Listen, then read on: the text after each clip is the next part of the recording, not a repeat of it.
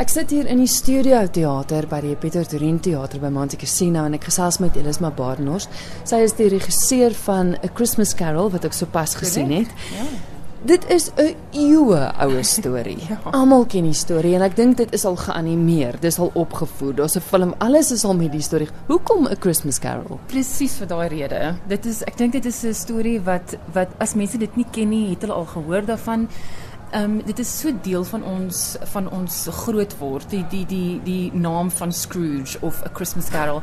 Ehm um, en ek dink net dit is dit dit het regtig 'n um, 'n appeal vir vir ons mark nog steeds. Weet van kindertjies na ouer mense, dit is iets waarmee almal hulle self mee kan vereenselwig, die storie van ou Scrooge. Ja. En dit is eintlik nog steeds soos jy sê so relevant want ons almal maak droog in die verlede. Presies, presies.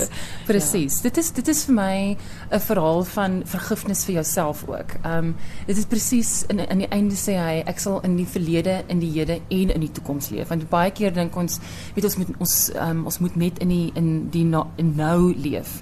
Maar dis my so mooi dat Dickens sê ons moet in die verlede, nou en in die toekoms leef want alles maak deel van wie ons is, maak dit op. So dit is nie mens moenie vergeet van jou verlede nie, met ook nie um net in die toekoms leef nie, maar 'n balans is vir my so mooi om jou mens se lewe mee uit te leef. Met The Mystery of Irma Webb het ek die eerste keer met jou gesels as Ja. regisseur. Ek het intussen tyd het ek Rock of Ages gesien, waarvan jy ook die regisseur is. Ja. Jy doen dinge anders.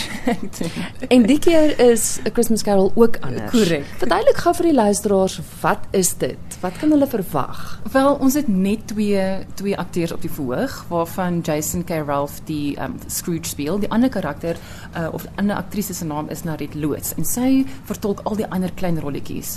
Ons het ook besluit om al vir alle ander element in te bring en met stemwerk um, te te werk. So uh, ons ander ons ander bydra is Christopher Dudgeon. Hy het al die verskillende stemme gedoen en sy leef al net amper al die stemme uit. Dis al asof dit amper in Scrooge se verbe verbeelding gebeur.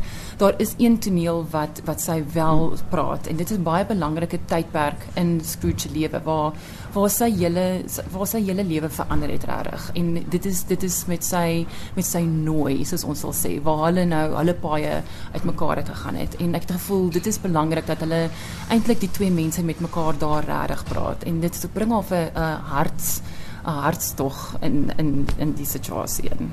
Maar tog is daar ook twee poppe Daar's wat poppe, gebruik word, daar's ja. animasie. Daar's twee poppe, daar's animasie, daar's daar's klomp verskillende uh, dinge wat ons gebruik sodat die vir kinders ook want dit is nogal 'n donker verhaal. Ek het toe toe Jaco um, van Rensburg, die is een van ons vervaardigers. Toe hy vir my sê kom ons doen 'n Christmas Carol en ek was so mal daaroor my hele lewe lank.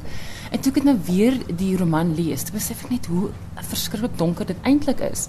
En die die um, uitdaging was om dit te maak sodat kinders nog steeds um aanklank kan vind daarbey en groter mense. En ek dink dit is wel iets wat ons al reg kry met 'n in baie baie vreemde manier. Dit was maar 'n groot kans wat ons gevat het. Um maar tog die kindertjies is mal daaroor en en die ouer mense, um ek hoor nou en dan snikke in die gehoor en um mense wat net ook groot geword al vir dekades met die storie. So ek dink ons het op 'n manier hierdie wonderlike resep vorendag mee gekom wat net wat werk. Ja. Gaan jy daarop uit om dinge anders te doen? Is jy een van daai mense wat net besluit het niks doen ek normaal nie? Weet jy regtig nie. Ek kan nou met met met 'n reine eerlike hart sê, dit is net dinge wat in my kop inkom. Dit is um, hoe ek dinge interpreteer. Dit is vir my so helder soos daglig. As ek as ek 'n teks lees, um, ja, dit is vir my vir, vir my is dit voor die hand liggend hoe dit op die verhoog moet kom, maar uh, blykbaar is dit blykbaar is dit nie die mees voorhandliggendste nie. En dat ek altyd so verbaas as mense sê dit is so anders. As ek maar hoe anders hoe anders sal mens dit doen. So dis nie iets wat ek probeer doen nie. Dit is maar net my verbeelding. Ek lees al van 'n klein ouderdom af, um, lees ek verskriklik baie. So ek dink dit help my ook om my verbeelding uit te leef. Jy was hierdie jaar besig gewees. O, ja. Volgende jaar wat lê voor? Ehm um, ook besig, maar ek het eintlik besluit dat dit nie so besig gaan wees as hierdie jaar nie, want dit was nogals ek was besig met 8 produksies hierdie jaar. So dit dit- was 'n dit was 'n bietjie baie.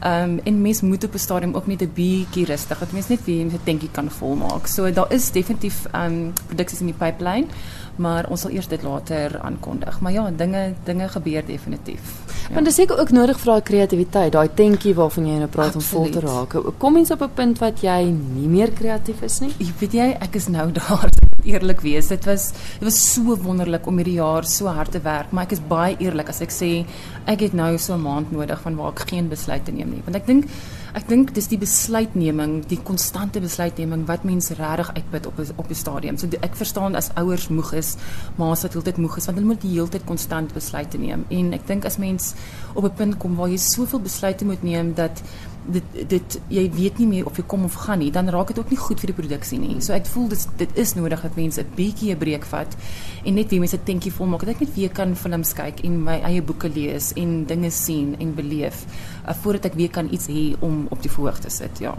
Met ag produksies agter die blad, dink ek jy kan met gesag praat oor die gehore. As jy ja. bekommerd oor teater in Suid-Afrika. Ek was tot die laaste twee produksies en twee drie produksies wat ek gedoen het. Ek was soos waar toe gaan ons? Wat wat gaan ons doen? Hoe kry mens mense en met met 'n Christmas Carol is ons so so bevoordeel. Ons kry van jonk tot klein oor verskillende kulturele kulturele lyne. Dit is absoluut wonderlik. Ons is vol elke aand. Ehm um, dit is regtig dan dan dan kry ek net so wonder vleis om terwyl ek hier praat want dan weet ek net mense wil stories hoor. Ehm um, mense wil kan gaan dis ek daai of of oh, as, as ek maar net so kan wees of as ek, ek of ek droom of wow ek is nie die enigste persoon wat so voel nie. Mense wil dit hoor en ek dink dit is 'n wonderlike ons sê altyd al vir 3000 jaar sê ons teater is dood en dit is nie dood nie. Dit is nie ons sal altyd aanhou en ons sal altyd hier wees as mense net wil kom uitleef en bietjie net ehm um, um, ontsnap van hulle lewens af of net wil wie bietjie voel ek is nie alleen nie. Dit is die plek vir mense om te gaan.